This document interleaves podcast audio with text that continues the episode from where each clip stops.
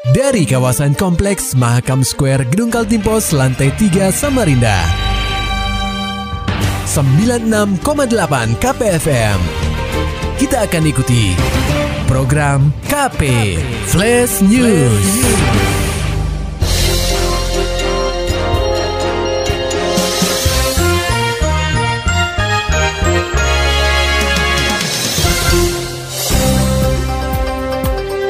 Anda sedang menyimak program KP Flash News bersama saya Agung Pratama. Ratusan sopir truk yang tergabung dalam Persatuan Leveran Sir Bahan Bangunan atau PLBB Kota Bontang menggelar aksi unjuk rasa di Jalan Poros Samarinda Bontang, tepatnya di depan Bandara APT Pranoto Samarinda, Rabu 1 September 2021. Tercatat sebanyak 300 armada truk dari gabungan PLBB Bontang, Sangata dan rekan sopir truk dari Samarinda turut hadir untuk menyuarakan aspirasinya. Adapun tuntutan dari para supir truk ini agar rekannya yang diamankan beserta truknya bisa dibebaskan oleh Balai Gakum KLHK wilayah Kalimantan. Ketua supir truk PLBB Bontang Saripudin menerangkan, kejadian penangkapan rekannya tersebut terjadi pada dua bulan lalu. Saat itu, supir truk bernama Mulyadi sedang membeli batu gunung di desa Sukadamai, kilometer 17, Jalan Poros, Samarinda Bontang.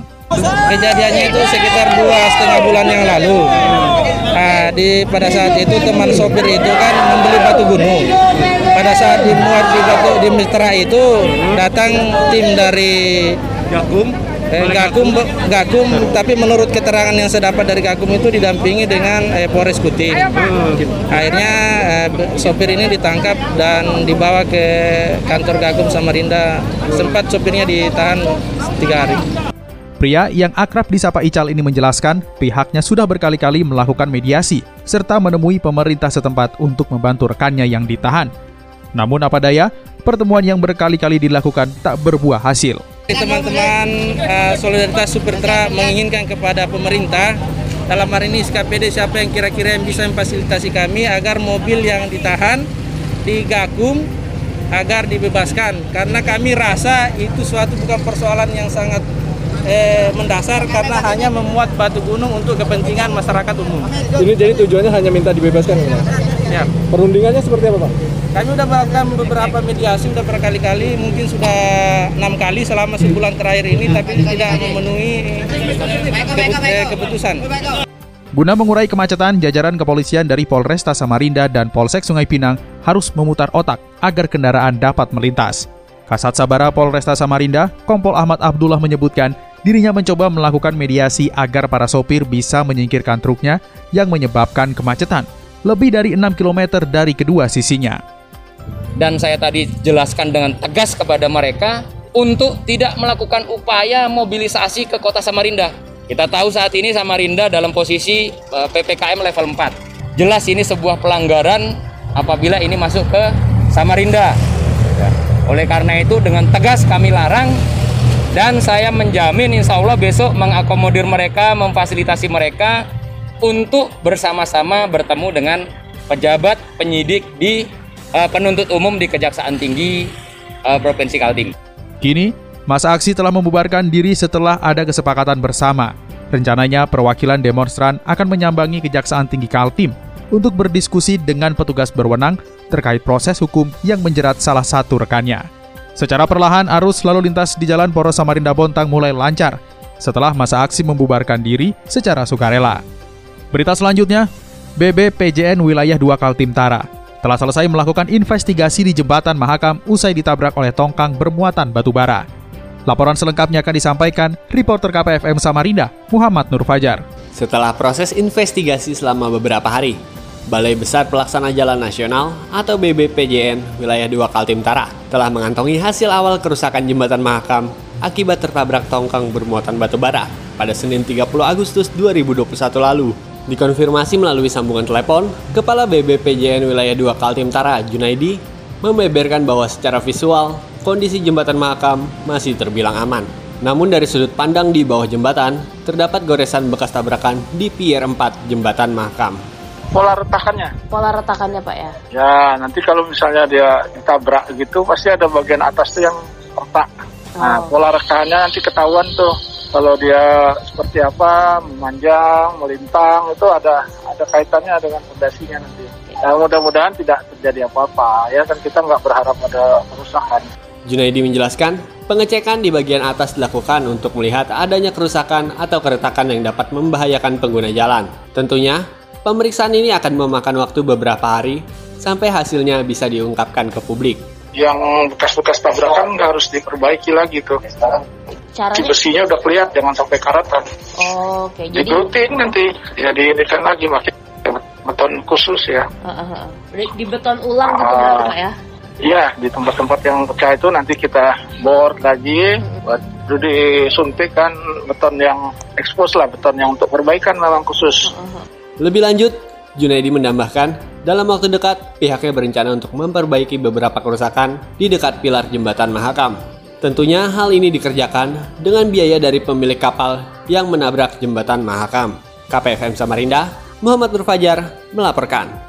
Pendengar KP, pada 1 September 2021, Kementerian Desa, Pembangunan Daerah Tertinggal dan Transmigrasi, Kemendes PDDT, menggelar soft launching Gerakan Nasional Bangga Buatan Indonesia atau Gernas BBI Kalimantan Timur dengan mengusung tema Go Borneo, Desa Bisa dan Dapat Dipercaya.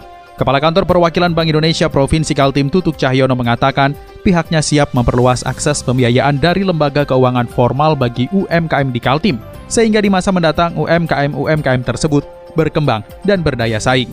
terus bersinergi dengan Pemda dan semua pihak terkait untuk terus mendukung Gernas BBI sampai grand launching maupun post event hingga akhir tahun 2021 nanti.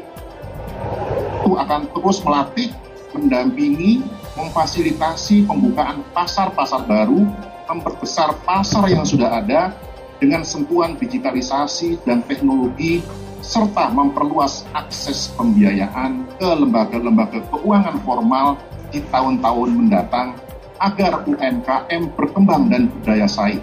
Sementara itu, Sekretaris Daerah Provinsi Kaltim Muhammad Sabani menyebutkan, dengan adanya Gernas BBI diharapkan mampu membawa UMKM di Kaltim bangkit dari keterpurukan akibat tekanan pandemi melalui peningkatan kapasitas, pengembangan produk, peningkatan permodalan, promosi, pemasaran serta pemanfaatan teknologi dan digitalisasi. Sabani melaporkan di Kaltim ada sekitar 370 ribu UMKM yang terdiri dari sektor kuliner lebih dari 93 ribu UMKM, industri pengolahan hampir 14 ribu UMKM, kerajinan sekitar 1.500 UMKM, perdagangan 170 ribu UMKM, serta jasa 79 ribu UMKM. berbagai potensi dan kapasitas yang ada sehingga kita mampu meningkatkan kualitas dan mengembangkan produk-produk dalam negeri yang bisa berkompetisi dan bersaing dengan produk-produk buatan dalam negeri sehingga kita juga mampu pada saatnya untuk merambah pasar-pasar internasional melalui produk-produk UKM UMKM yang berkualitas yang mengusung kearifan lokal dalam berbagai bentuk seperti fashion, kria, kuliner, manufacture, kecantikan, komoditi perikanan, dan bahkan karya-karya seni yang membanggakan. Diinformasikan, Gernas BBI bertujuan mengajak UMKM, BUMDesa, dan BUMDes berencana untuk naik kelas dengan menerapkan digitalisasi dalam menjalankan usahanya. Sejak dicanangkan tahun lalu, sudah ada 11,4 juta UMKM yang onboarding digital.